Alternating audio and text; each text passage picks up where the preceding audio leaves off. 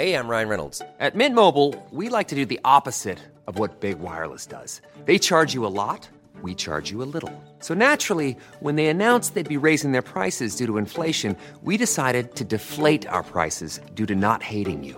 That's right. We're cutting the price of Mint Unlimited from $30 a month to just $15 a month. Give it a try at mintmobile.com slash switch. $45 upfront for three months plus taxes and fees. Promo rate for new customers for limited time. Unlimited more than 40 gigabytes per month. Slows. Full terms at mintmobile.com.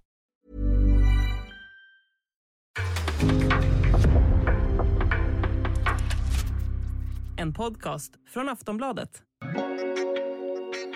Rosengård tvålar till några av de största konkurrenterna i veckan och frågan är om René Schlegers kanske rent av gjorde ett gulddrag efter förlusten mot Piteå. Hon spelar som en drottning idag. Helt rätt. Dessutom snackar vi akrobatiska uppvisningar av seriens formstarkaste lag. Frysboxen på hissingen, matcher som krockar, supportuppror, dröm och mardrömslottning inför Champions League och potentiella skrällar i VM-kvalet. Ja, ni hör ju, vi har att göra den närmaste timmen så vad väntar vi på? Nu sparkar vi igång!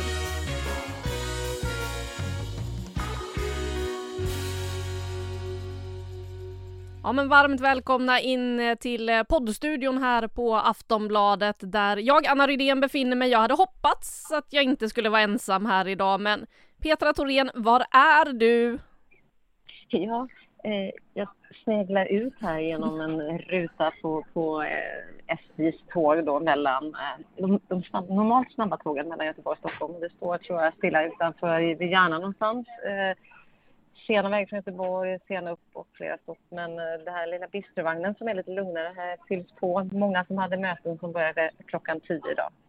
Ja, det är ju så att eh, du skulle varit framme om eh, den där tidtabellen hade hållit sig. Alla som har åkt tåg vet att eh, så sällan är fallet, tyvärr. Men eh, vi har ju med dig senast vi spelade in tillsammans. Jag var tvungen att tänka på det. Liksom, när var vi på samma ställe sist vi spelade in? Det var inte så jävla muntet. Det var ju efter att Sverige hade åkt ut i semifinalen EM på ditt hotellrum. Så att, eh, ja, nej, jag hoppas det blir gladare miner i podden idag.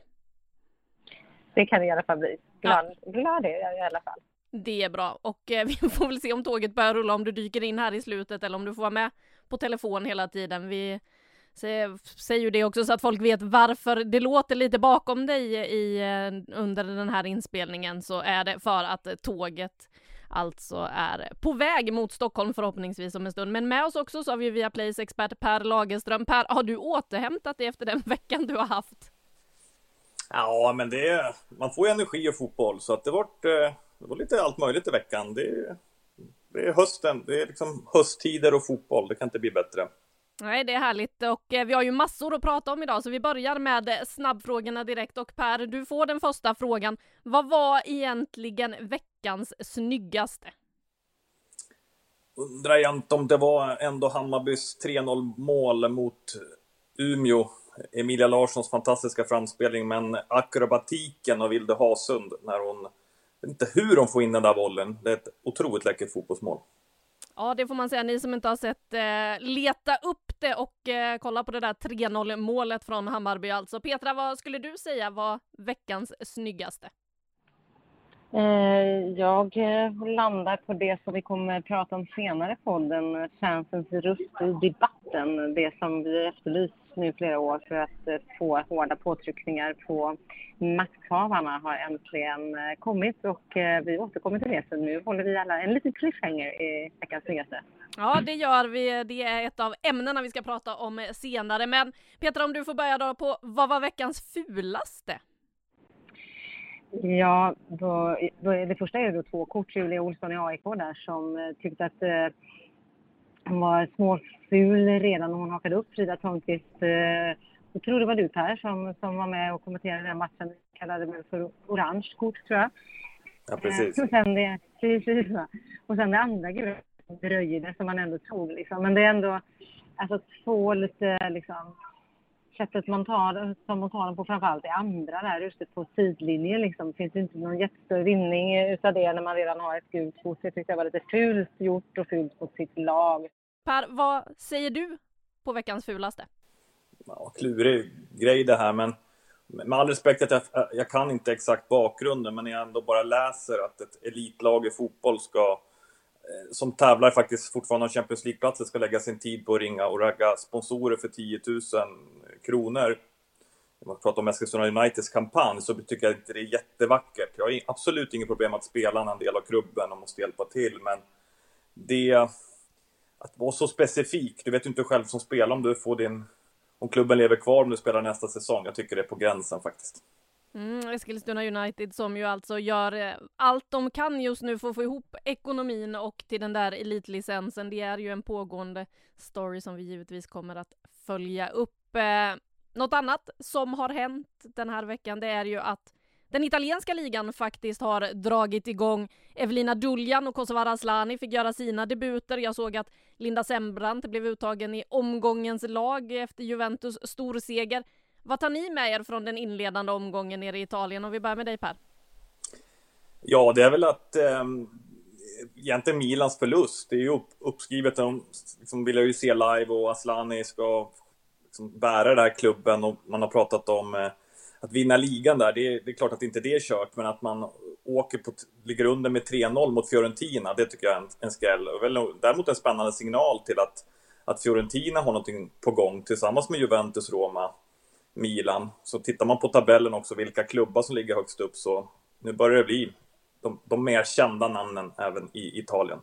Ja, och vi kan ju notera där att eh, Milica Mijatovic, eh, före detta Häcken-spelaren, ju var en av dem som letades in i målprotokollet där tillsammans med Kosovare Asllani. Och eh, för de som inte har sett Evelina Duljans dribbling där in, jag kommer inte ihåg vilket av de sista målen det var hon gjorde, men ett av dem där, det var ju otroligt läckert att se hur hon tog för sig i sin debut där jag började också fundera lite på vad som egentligen hände i det italienska landslaget somras när man ser Girelli går in och gör ett hattrick direkt i den här allra första matchen hon och Bonanzia som faktiskt bänkades i en av gruppspelsmatcherna för Italien. De har lite att fundera på i det där italienska landslaget. Vi går vidare då från Italien till eh, Champions League, för på torsdag så lottas ju damernas eh, Champions League och jag vill veta vad ni ser för dröm och mardrömslottning för Rosengård och Häcken. Om vi börjar med dig då Petra, så länge vi förhoppningsvis har dig på tråden. Ja, jag har ju bara slängt på drömlottningar här då, men, men eh, jag börjar där med en väldigt i alla fall eh, drömmen för Häcken hade väl kanske varit eh, Sparta Prag då och eh, ja, motsatt eh, kanske mardröm att få, få Madrid. Sen gäller det Rosengård så eh, kan ett danskt motstånd med HB Köge som och sist i, gruppspelet förra året eh, ett motstånd. Eh, mardrömsmotstånd har jag inte pekat ut där men, men det har säkert Per.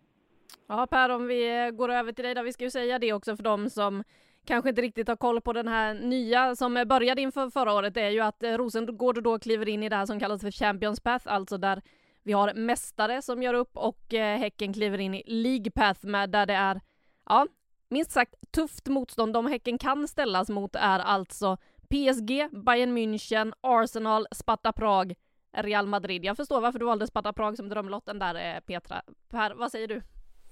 Ja, men eh, Häcken har ju jättemycket tuffare väg och jag håller med om såklart om Sparta Prag. Men jag tycker ändå en annan drömmotståndare som, som Petra har som mardröm. Jag tycker det skulle vara spännande med Real Madrid. För att, eh, jag vet inte om de är klara i sin satsning och tittar på den gruppen så att slå ut Real Madrid i en playoff hade varit läckert av Häcken. Så då får jag väl säga dem för att säga någonting annat. Sen mm. PSG Arsenal, eh, det blir ruskigt tufft för Häcken. Det, det är mardrömslotter.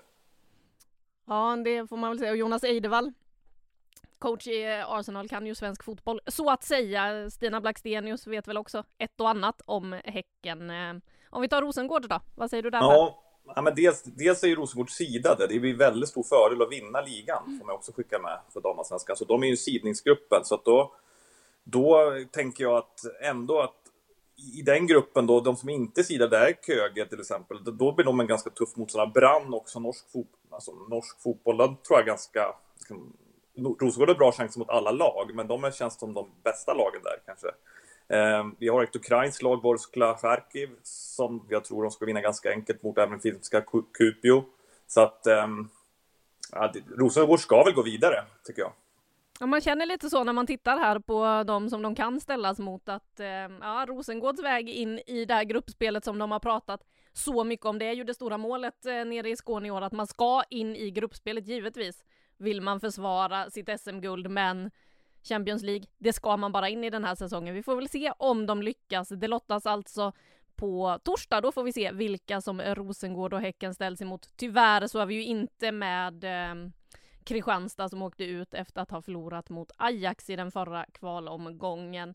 Med det så ska vi gå vidare från snabbfrågorna och då grotta ner oss i eh, tre ämnen och den första det blir det som du lämnade en cliffhanger på Petra, nämligen matchkrockar och säsongsavslutningen. För i veckan så har vi ju rapporterat om att eh, matcher mellan föreningars dam respektive herrlag krockar och ett supporteruppror kring den sista omgången som är tänkt att spelas en fredag. Vi får väl se om det blir så. Men om vi börjar med matchkrockarna så är det ju ett eh, problem som förmodligen bara kommer bli större nu när allt fler stora klassiska herrklubbar väljer att satsa på sina damföreningar, vill upp i systemet. Nu har vi ju Hammarby, Häcken, AIK och eh, Djurgården. Eh, hur ser ni på det här problemet om vi börjar med dig Per?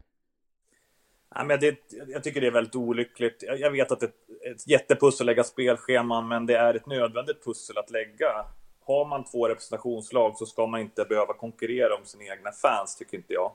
Ehm, jag, är på, jag vet hur man jobbar ibland på internationella mästerskap när det är väldigt, väldigt tufft med matcherna. Då jobbar du vissa delar med, med två matcher i samma event. Och det tror jag är någonting som, som vi kanske behöver börja titta på. Vi ska spela en match klockan 15, en match klockan 17. Och, eller kanske behöver behöva vara någon timme emellan. En match 15, en match 18. Och ha någon happening emellan och skapa en heldag för fansen i sådana fall. Men att lägga två matcher på, på helt olika ställen för två representationslag i Sveriges största idrott, det, det pusslet måste lösas.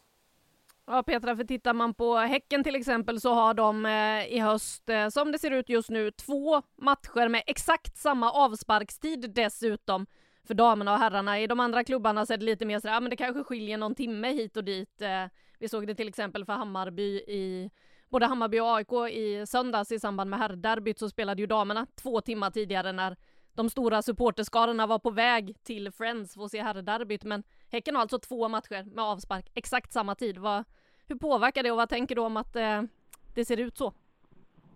Jag tycker det är framförallt anmärkningsvärt att just eh, Häcken hamnar i den situationen med tanke på eh, den närhet och det samarbete som finns verkligen mellan eh, här damsidan. De, eh, de delar liksom anläggning ute på GPA, de delar lunchmatsal, de delar kansliet där liksom allting finns nära och de springer i samma korridorer. Även om tjejerna har fått eget omklädningsrum och en liksom, egen del av byggnaden nu så, så när man är där ute så liksom, det, det är en dröm för, för reporter att man kan se tredje i träningen samtidigt. Eh, det tycker jag är förvånande. De har liksom en pigg eh, verkstadsavdelning och en pigg evenemangsavdelning och sådär. Så, att, eh, så att det tycker jag är spännande bemärkelsvärt. Eh, eh, lite så att man jag tycker direkt att det ska vara så drag kring herrarna. Från början inför den här säsongen var jag. Eh, men det är ju olyckligt. Man ska ge man ska ge sina supporters möjlighet att, att gå på och stötta båda representationslagen och eh, så här har det varit till från många år. Det är väl först nu alla börjar vakna och det beror ju på den utvecklingen som vi ser på den publika sidan. Så det är klart att här måste man se över i alla klubbar, EFD eh, och SEF inför nästa år. Ja, eh, jag pratade ju med några av Häckenspelarna här i veckan, eh, bland annat Filippa Kurmark och Jennifer Falk och vi vet ju att de går ju också gärna och kollar på herrlaget, eh, poängterar att herrspelarna går gärna och kollar när de väl spelar hemma så att de stöttar ju varandra och sådär men det var de lite upprörda av att det kan de inte göra och jag reagerar ju också på att en av matcherna som då Häckens eh, damer eh, krockar med det är eh, Häckens hemmarmatch mot Hammarby i herrallsvenskan, alltså en riktig toppmatch. Eh, samtidigt möter damerna Eskilstuna borta. Vi får väl se hur många som kommer följa den matchen när det finns en toppmatch för herrlaget att eh, se samtidigt. Men det är ju sista omgången också. Det här upproret från supportrarna, det handlar ju om att den sista omgången ska spelas på en fredag med avsparkstid 18.00 där eh, flera av de supportergrupper som har bortamatchen då har valt att engagera sig det är Hammarby, Linköping och Rosengård bland annat som eh, är engagerade i det här vet jag. Petra, vad tänker du om att eh, fansen nu faktiskt reagerar, eller till och med agerar, ska vi väl säga? Ja, men alltså först tänkte jag så här att det är väl härligt med en eh, fredags... Alltså det, det kan bli en väldigt bra fredags, fredagkväll. Liksom. Så först tänkte jag så här att jag tyckte det var en överreaktion från, från fansen. Ehm, men med det sagt så, så finns det en eh, uh, utmaningar för att kunna hinna på bortamatcher och eh, uh, framför allt så reagerar ju många också på att uh, lördagen är upptagen då vad det verkar eftersom Superettan spelar sin omgång och att damfotbollen får stå tillbaka för andra ligan är ju anmärkningsvärt. Jag tycker det är bra då att supportrarna kliver in i de här frågorna. För det är först när de i grund och botten sätter press på makthavarna. Och det var ju det jag var inne på då från början, att jag tycker det är det snyggaste i veckan. Att de inte bara finns på matcherna eh, och hejar utan att de också faktiskt framför sin åsikt och sätter press nu på makthavarna så att vi slipper se det här nästa år, att de kanske får en bättre, bättre eh, dag att avgöra livet Ja, vad tänker du om det som händer Per, att, eh, kring att det just nu ser ut som så att damallsvenskan ska avgöras på en fredag. Förslaget från supportrarna nu, det är ju att flytta det till lördagen, att man ska kunna spela både damallsvenskan och superettan samtidigt. Problemet är att BP spelar i båda serierna. Det kan ju dessutom bli så att BP's damer slåss för kontraktet i damallsvenskan. Det kan vara som så att BP's herrar slåss för att gå upp i allsvenskan. De ligger ju på allsvenskt avancemang nu i superettan. Och det är Rosengård som kommer på besök till Grimsta och då eventuellt kanske ska fira ett guld på plats på Grimsta. Så att det är många parametrar som ska tas in här och det är olika sändande tv-bolag och ja, diverse parametrar som man ska få in i det här. Men vad, vad tänker du? Ja, men först och främst tänker jag att det är väldigt positivt att det finns fans som har åsikter kring spelschemat och eh, att man gör sin röst hörd. Det betyder att det finns intresse kring damfotbollen. Det hoppas att det bara blir mer i.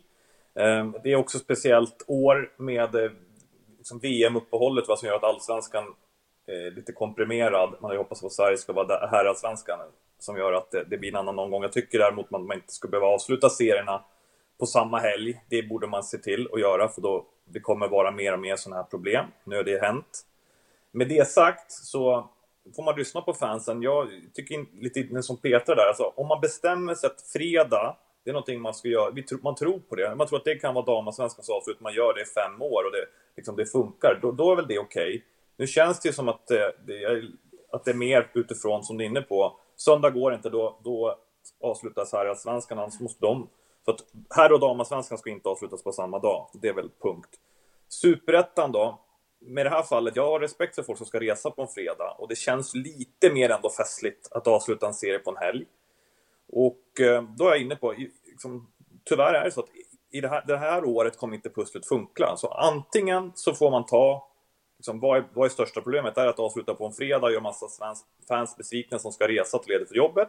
Eller är det att drabba en förening? Och det är inte optimalt heller för, för Brommapojkarna. Men jag är inne på det jag var inne på tidigare.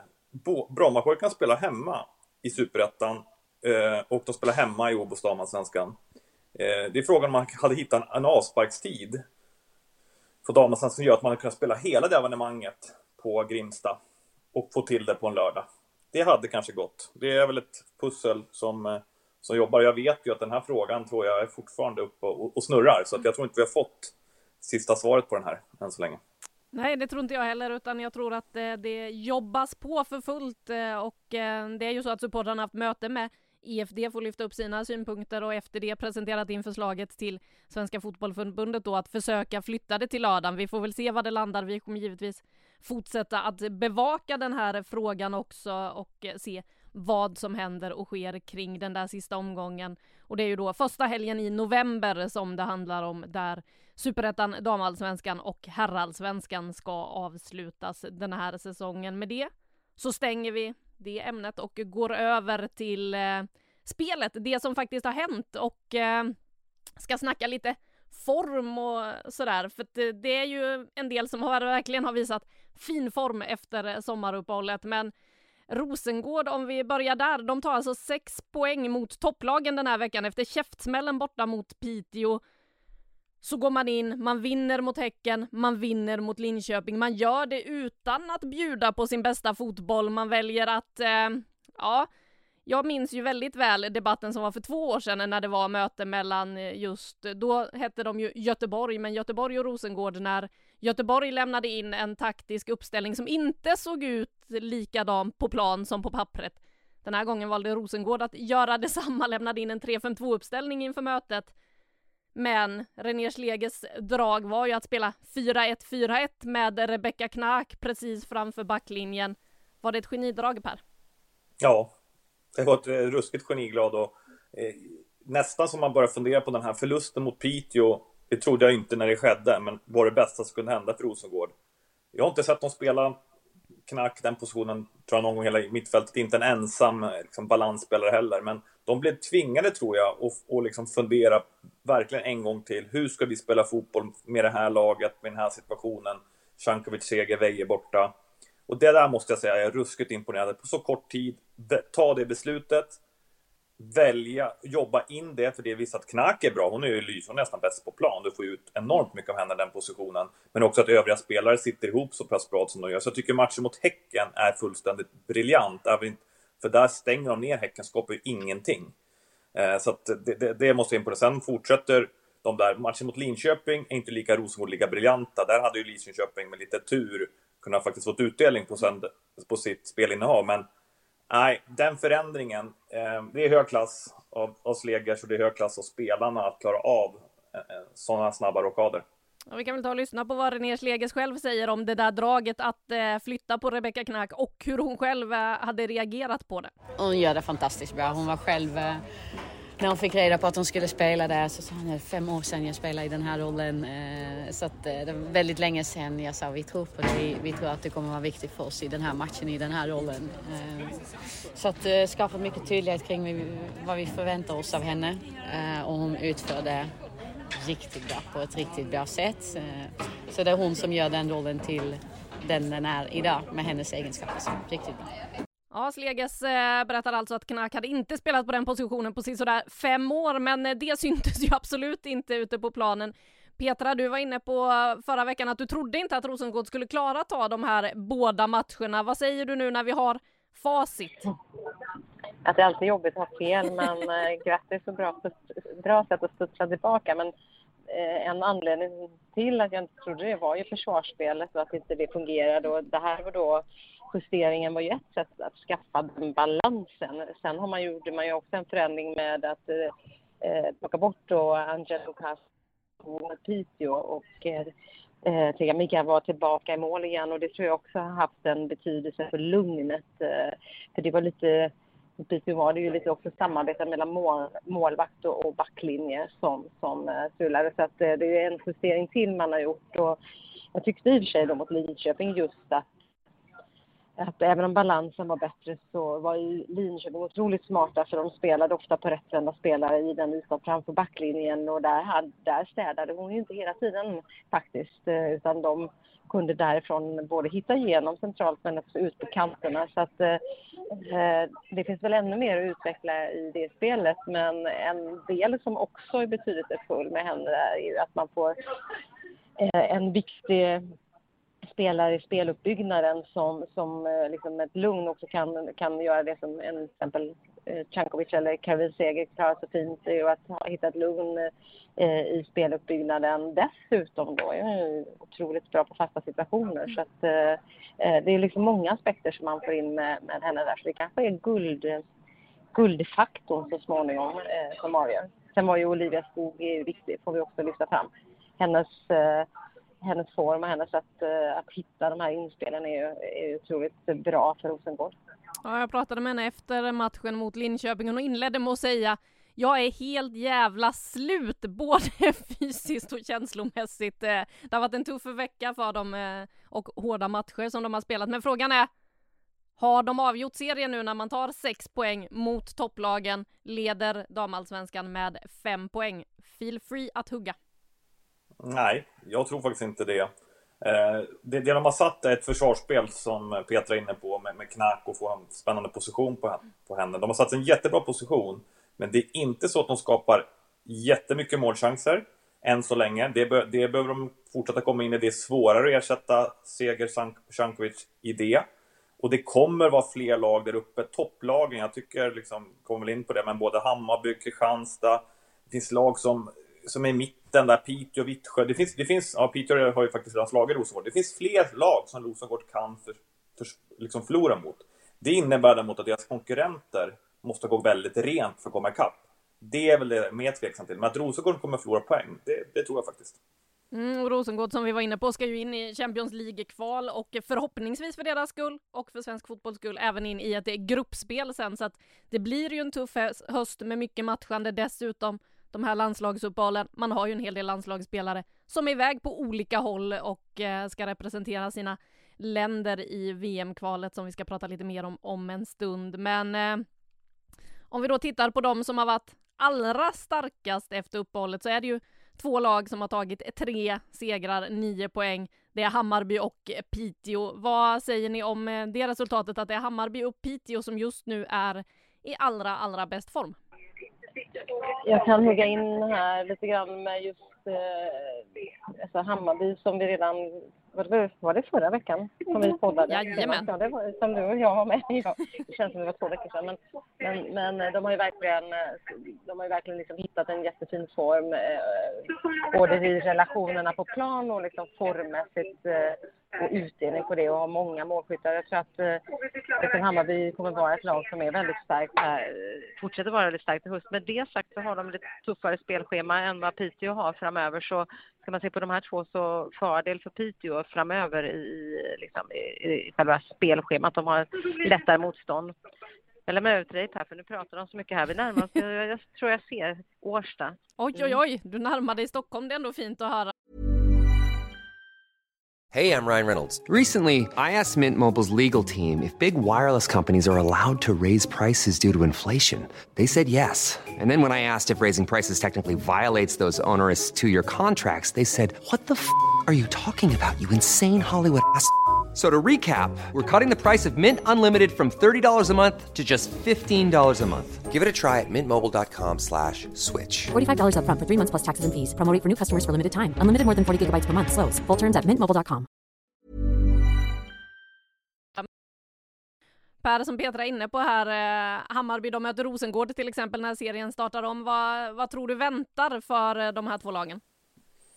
Nej, men jag tror att, jag tycker verkligen att Hammarby imponerar får man säga. Och det, och det just på det som vi pratade om, kanske Rosengård har satt sitt försvarsspel. Hammarby har ju både förstärkt en backlinje med Boje Sörensen och John Andersson. Som de, de har inte riktigt ställt på prov än så länge, men min bedömning är att det är ju klassspelare även med Courtney Devin där i backlinjen. Så har de en, och en bra målvakt i bra form. Så jag, jag, tror att Hammarbys försvarsspel kommer att klara mot de bästa lagen. Det blir balansen, de offensiva spelarna måste hjälpa till. Men det ser ju väldigt spännande ut. Och offensivt också då. Dels att de har ett helt nytt centralt mittfält med Elise Kalonait och Kyra Cooney Cross. Det kan vara Australiens start mittfält i VM på hemmaplan. Det är alltså här pratar vi ju ett, ett, liksom ett topplag i världen som de har sitt centrala mittfältet här. Sen Folkesson som knackar på dörren. Och så Vilde Hasund som är stekhet efter sommaruppehållet. Eh, tillsammans med Madeleine Janogy som... Vem ska spela längst fram i Hammarby har jag funderat lite grann på. Men det verkar ju vara så Janogy hittar den rollen där. Så att Hammarby har både en offensiv och en defensiv som jag tror att det här, det här är ett lag som, som kan vinna mot alla. Det är frågan hur... Kan de gå rent? Och då är det ju Champions League eh, en möjlighet för Hammarby. Det är inte långt bort nu. Så att de har stora som, för, både förväntningar och förhoppningar på. Piteå får man ju säga också som lag, de har redan visat att de kan slå Rosengård. Enorm respekt. De hade en match mot Örebro där, där var lite... Liksom, nästan energin tog slut, där bensintanken var, var tom efter Rosengård. Trots det så släpper de inte in något mål. Och förr eller senare så dimper de boll i, ner i något straffområde och då har de spelare som petar dit den, Eriks dotter till exempel. Så att Piteå kommer fortfarande göra laget så Jag tror att det är en bit kvar för att de ska få tre pengar hela vägen. Då behöver de utveckla sitt anfallsspel en, en, en, ett steg till. Så att det, det, kommer nog inte räcka till Champions League, men att de kommer vara ett klart stabilt mittellag, det är inget snack om. Eh, och för de som har sett eh, Hammarby efter uppehållet har ju noterat, eh, apropå Vilde Hasund, eh, Hammarby har alltså gjort sju mål, Vilde Hasund har varit inblandad i alla de där sju målen, antingen spelat fram eller gjort dem själv. Så att, eh, ja, nästa norska landslagstrupp skulle ändå förvåna lite om inte Vilde Hasund kan få en plats i det där norska landslaget eh, tills dess. Eh, men några som haft det tyngre, som vi kanske trodde mer om med tanke på vad som har hänt i sommar. Det är eh, Djurgården som har tre raka förluster. Per, tror du att det är så hösten kommer se ut? Är det en tung höst som väntar eller kommer de växa in i det? Ja, det har inte sett speciellt bra ut här efter sommaren. Eh, vare sig poängmässigt eller prestationen tycker jag. Det är, och det är faktiskt ett... Liksom, nu har Djurgården tagit hem Lindahl, de har tagit hem Ebba Hed, de har pratat själva att de ska bli bättre för att... Och det är en, en klubb som, som, som förening var väldigt bra med herrarnas framgångar, som, som också har en historik i damfotbollen som jag tycker att man ska ha högre krav på. Det ser, det ser inte speciellt bra ut. Eh, ett problem är dels ska, Lindahl bära det här laget ehm, det, det återstår att se. Men jag tycker stora utmaningen är anfallsspelet. Att det, ehm, Nelle Lilja är en bra spelare på centrala mittfältet, men jag tycker hon ser en del ensam. Det ser ut som två lag i lagen ibland när Djurgården spelar. Man backlinje och Lilja åt ena sidan, som tre forwards och så Almqvist och Motlaulo där uppe. Och de här två måste sitta ihop för att de ska skapa mer målchanser. De är bra på sin planhalva, de har svårt att komma dit. Um, nej, det, det, trenden är klart negativ. Det, och jag förväntar mig mer faktiskt. Och det man eh, kan notera där med är ju att eh, de har lite skadeproblem i Djurgården. Hailey Dowd eh, hoppade väl in till slut mot Hammarby i derbyt, men tillbaka på skadelistan, saknades senast. Sanna Kullberg missade derbyt helt, haft känningar i en baksida, blev utbytt i första matchen efter uppehållet. Nu var hon tillbaka på bänken men fortfarande inte inne i startelvan. En kapten, det är ändå två viktiga pjäser som Djurgården väl får hoppas att det här landslagsuppehållet kanske kan lappa ihop lite. Hur stor skillnad skulle det göra tror du? Ja, men jag tror att det är jättestor skillnad. Daud var ju faktiskt eh, riktigt bra form här i våras. Och det, då får ju Djurgården en dimension till. Dels att de får en djupledslöpande forward som gör mål på liksom, när bollen bara trillar ner. Då får de de här gratismålen. Det, det gjorde att Djurgården började vinna och få tre poängare. Jag tror att de fick en rejäl stukning. Man var nästan rädd tror att det var ett benbrott här på... Nu var det inte det, men, men så, en stukning kan ju sitta i om du har dragit ut ledband. Så att hon, hon blir viktig. Kullberg är ju också inte bara liksom som spelare, men hon är viktig i Djurgården. För det är hon som för mycket av uppspelen tillsammans med Lövgren där nere. Eh, så att hon, hon, behövs för framförallt återigen anfallsspelet. Försvarsspelet klarar de av, men eh, för att de ska kunna föra matcherna och, och liksom etablera ett anfallsspel på offensiv plan så är det två nyckelspelare för Djurgården.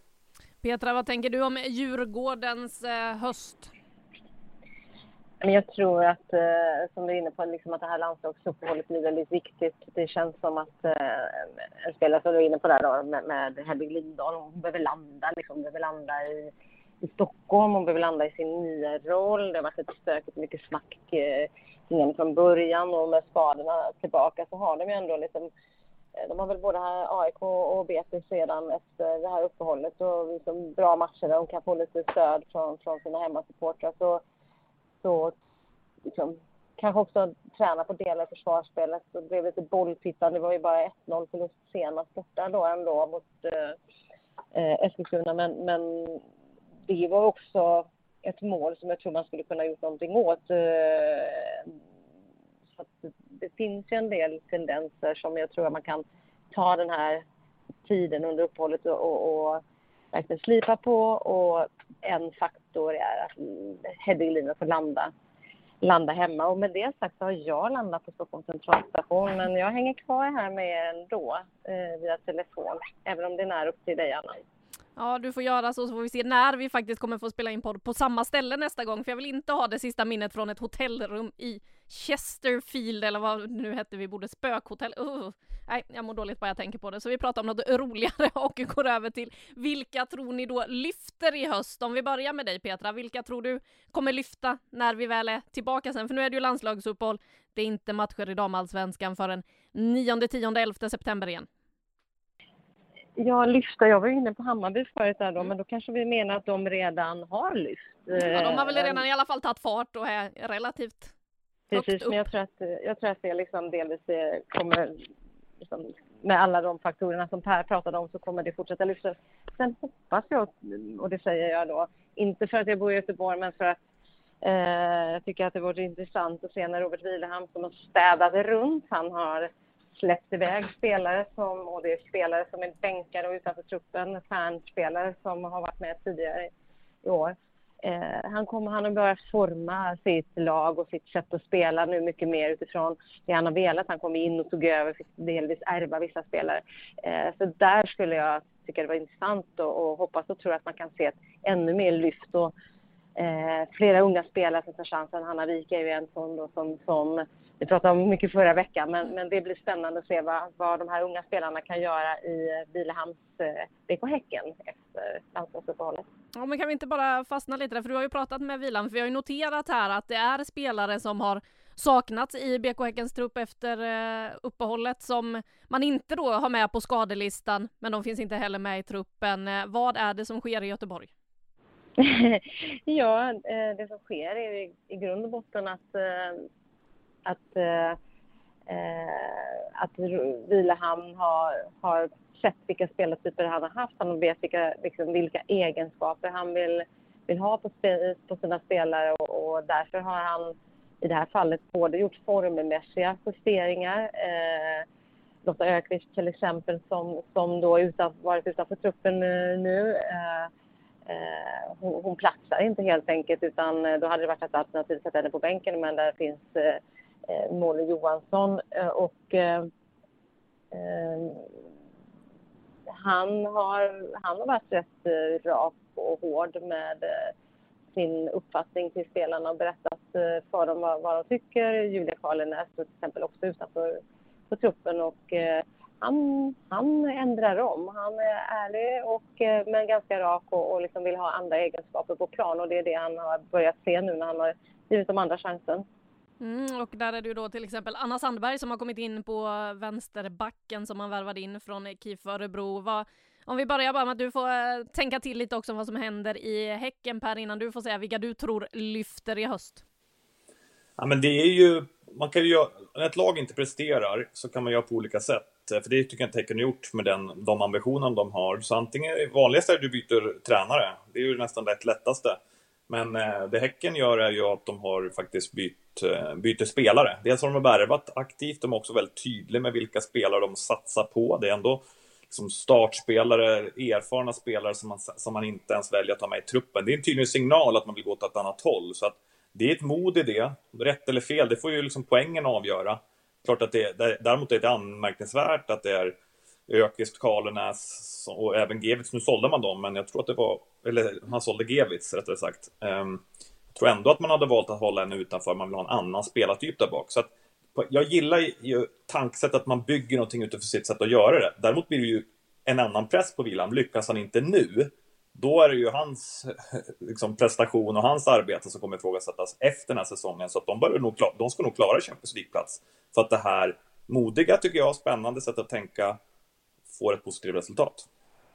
Ja, jag får kasta in där, ja, Anna och Per. Just, just när det gäller Luna Gevic som, som äh, lämnade till Montpellier så är så var det ju faktiskt liksom laget, Häckens lagkapten och, och, och mittback som hade ett väldigt stort förtroende i den här truppen. Och, eh, som jag har förstått det, och det här är vad, vad Robert själv har berättat, så, så hade han ett väldigt tidigt möte med henne, eller, eller kanske flera samtal. Men han har ju sagt till henne att du kommer inte ha den här rollen efter EM i sommar. Du kommer inte eh, liksom vara den som får förtroendet på så sätt att bära det här laget som, som, som kapten och eh, eh startspelare. Så att, eh, och lämnat det ju då lite grann öppet eh, med ett halvår kvar på kontraktet att, att stanna och ta fighten och försöka eh, träna sig till de egenskaper och övertyga honom om att, eh, att hon ändå är rätt person eller, eller att det går då.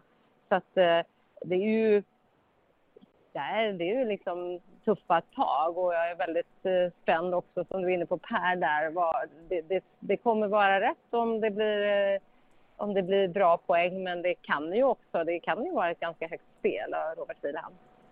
Ja, vi får väl se hur högt han spelar och om de lyfter. med spontant så här från sidan så känns det ju som ett väldigt naturligt val i alla fall att sätta kaptensbinden på en sån som Filippa Kurmark på innermittfältet. Eh, att lyfta upp den där och eh, bygga kring den spelartypen. Men eh, Per, du ska få säga vilka du tror lyfter i höst också. Vad, vad vill du slänga in där? Nej, jag tycker Peter är inne på det är Hammarby och man måste nästan, jag skulle vilja ändå säga Häcken då för att lyfta från en fjärde plats. Häcken behö, behöver komma till Champions League. Det kommer vara fem lag, tror jag att det handlar om. Så att Häcken och Hammarby kommer och tror jag blanda, blanda sig i Champions League-platserna. Ehm, ett lag som kanske inte fått lika mycket poäng, men jag tror fortfarande de kan hota alla topplag, det är väl Vittsjö som nog inte är nöjd med sin poängskörd. Man ser i matcherna skapar ganska mycket målchanser, men får inte in bollarna. Så att det är väl ett lag som jag tror skulle, om de får lite självförtroende och lite stolpe in, så kan de ta en hel del poäng också. Mm, vi får väl se när det alltså startar om igen i damallsvenskan. nästa helg sen. Då kommer vi ju även kliva in med Women's Super League och så vidare som har premiär den helgen. Men nu så är det landslagsuppehåll. Det är VM-kval som väntar, det är de sista omgångarna som ska avgöras. Vi har redan lag som Frankrike, Danmark, Spanien och givetvis Sverige klara för VM nästa sommar. Men vad tror ni om övriga nationer då? I Grupp D står det till exempel mellan England och Österrike om direktplatsen vidare. De möts dessutom inför en slutsåld arena nere i Österrike. Kan Österrike skaka om Europamästarna? Vi såg ju liksom premiären, det var, det var ju inte den matchen som England vann storstilat direkt. Va, vad tror ni om den matchen? Petra, om du får börja. Eh, nej men det är klart att det här är två lag som, som ändå kommer med energi från det som hände i sommar. Så det, eh, ett guld ger ju ändå allra mest energi givetvis och stort självförtroende. Eh, men sen spelar man på bortaplan. Eh, eh Österrike var, var ju ett av EMs liksom mer intressanta lag. Eh, jag tror att Per, du var inne, inne på det inför för mästerskapet och, och det såg vi alla där. Samtidigt så, så kommer eh, de nya mästarinnorna på, på, sitt, på ett liksom uppvisning eh, efter det här mästerskapet som var i somras, den fantastiska framgången. Så, så jag tror att det blir svårt för dem att stå emot England, eh, eh, även om det är på hemmaplan och liksom i, poängmässigt så har ju England ändå ett, ett övertag. Vad tror du om eh, den tillställningen Per? Kan Österrike skaka om England? Ja, det, det kan de i en enskild match såklart, även om England stod favoriter. Men det kommer inte räcka ändå, för att England har Luxemburg sista och de leder med fem poäng. Så den, den, är nog ändå avgjort, även fast det är en spännande match. Men det finns ju andra grupper, som till exempel Belgien-Norge. Mm. Norge är ny förbundskapten. De, de ska mötas också. Det är ju en jätte, liksom skiljer tre poäng. D där vet man ju inte alls. Nederländerna-Island, också kampas, ska mötas i, i, i omgångarna här. I, även Italien-Schweiz, den gruppen. Italien har ett Rumänien som har gått väldigt bra i avslutande matcherna och kan liksom tappa det här VMet i sista omgången. Så det är ju några ruskigt spännande matcher får man säga. Ja, det får man säga. Man minns ju också hur det såg ut för Italien i somras. Petra, du såg ju till och med dem på plats där när de fortfarande hade chansen att bli Sveriges motståndare i kvartsfinalen när de mötte Belgien. En match där ju Belgien, eh, som vi alla vet, drog det längsta strået och sen fick respass mot Sverige i kvartsfinalen. Men vad, vad säger du om det som sker i Italien? Det känns som att det är lite skakigt ändå, för de har ju potential. Ja, det har de och det var ju väldigt förvånande. Jag såg både deras första match där mot Frankrike, de blev utskåpade och, och just Girelli som du var inne på förut, Anna, de, hon, hon, hon var ju skakad på huvudet och var rätt mållös efteråt. Hon sa jag vet inte vad som, jag vet inte vad som händer, jag vet inte vad, vad jag ska säga, eh, säga om det här. Känslan var att det satt i hela mästerskap för Italien, att de, de lyckades inte de lyckades inte kollektivt, de lyckades inte individuellt. De hade ett uselt försvarsspel stundtals och, och de eh, spelade väldigt mycket en och en, även anfallsmässigt. Så att, eh, eh det blir intressant att se om de har om de lyckas få ihop det här eller om det krävs en helt annan omstart för, för det här italienska laget. Mm, vi får väl se hur det blir eh, och eh, VM-kvalet drar ju alltså igång nu. För Sveriges del så är det Finland som väntar den 6 september, alltså i nästa vecka. För Sveriges del alltså redan avgjort. Det kan vara som så att Finland inte heller har något att spela för. De möter Irland borta först, eh, en väldigt viktig match för dem. Dessutom också ett lag med ny förbundskapten. Det var Olga Ahtinen inne på här efter. Hon åkte ju direkt från förlusten då, den tunga, tunga förlusten för Linköping mot eh, Rosengård till Köpenhamn för vidare till Dublin och sa det att ah, men nu har vi ju bara några dagar på oss här att få ihop allting inför en så viktig match. Vad tror ni om Finlands chanser att ta sig till ett VM? Jag tror att det blir eh, Dels är det tufft mot Sverige, jag tror, tror Sverige, tycker Sverige är klart bättre än Finland så att det, det blir väldigt jobbigt och sen även om man skulle komma tvåa i en grupp, det är ett väldigt tufft playoff också där du ska spela dubbla kvalrunder och det kan vara så att det, det är en ganska lång väg dit och ja, jag tycker att det finns faktiskt um, fler andra nationer. Jag tror inte Finland kommer klara den här gången. Petra, vad tror du om själva matchen då? Sverige-Finland som väntar nästa vecka. Vad vill du se av Gerhardssons Sverige nu när vi ska få se dem på plan igen för första gången sedan EM-uttåget på Bramall Lane i Sheffield?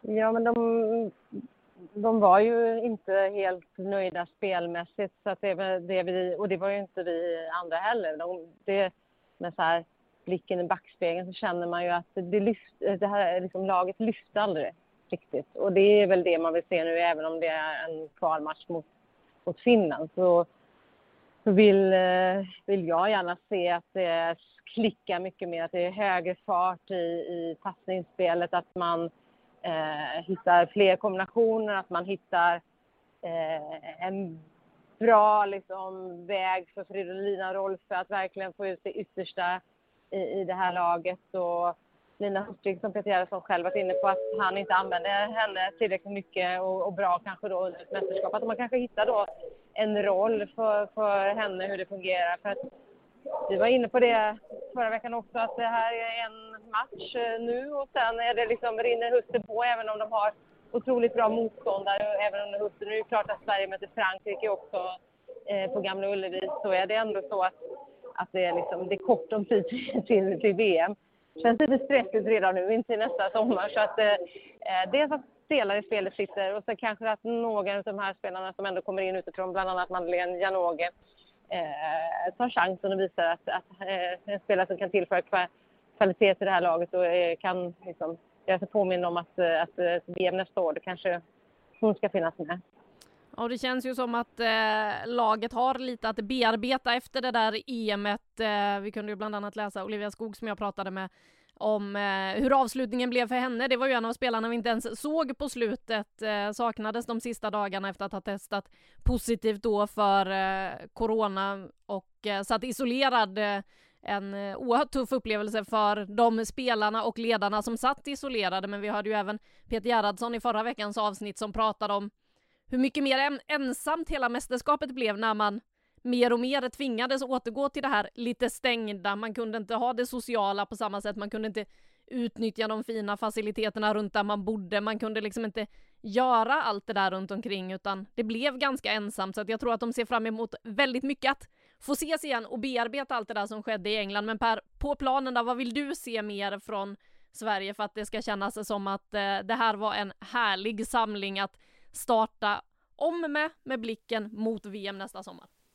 Ja, men, det här kan man inte säga utåt, men jag tycker att man ska ta samlingen mot Finland eh, som eh, ett fokus för kommande matcher. Alltså, det Sverige behöver göra, det är att vara som bäst när de viktigaste matcherna gäller. Jag tycker man ska använda den här samlingen till att förbereda sig för att vinna mot Frankrike, mot Frankrike och tänka att Frankrike är en potentiell semifinal i ett VM.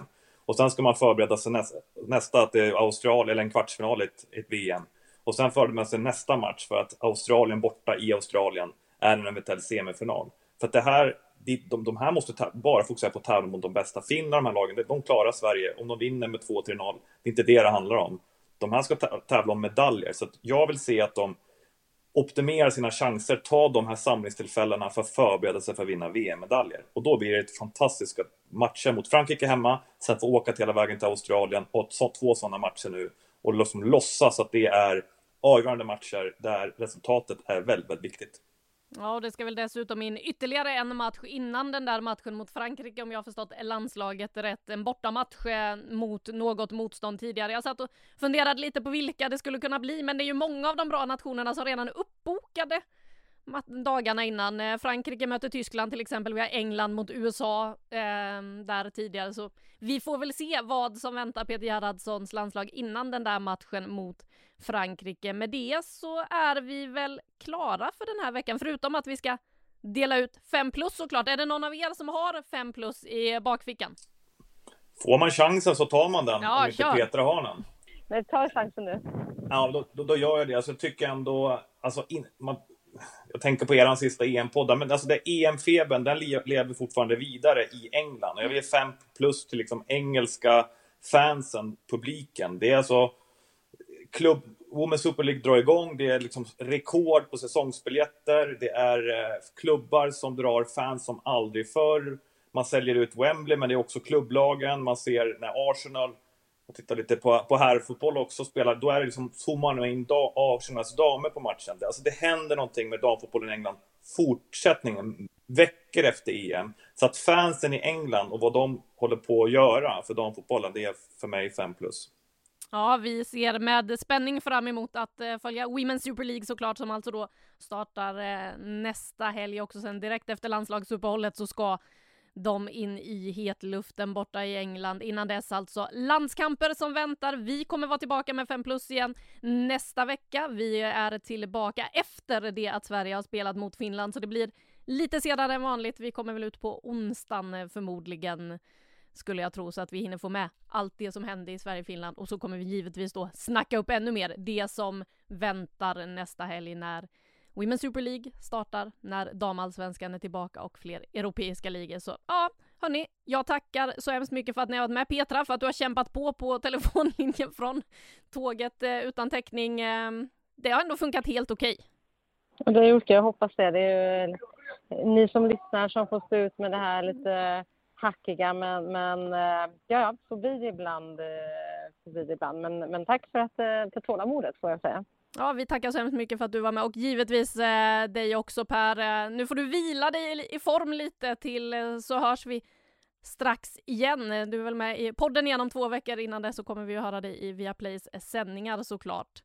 Och så tackar jag vår producent Julia Karlsson som har fått jobba hårdare än någonsin. Hon gör V-tecknet ute i kontrollrummet här, skrattar högt och eh, ja, hon har fått eh, slita där ute idag. Tack så hemskt mycket för det Julia, men störst tack som vanligt till alla er som lyssnar. Vi hörs igen nästa vecka.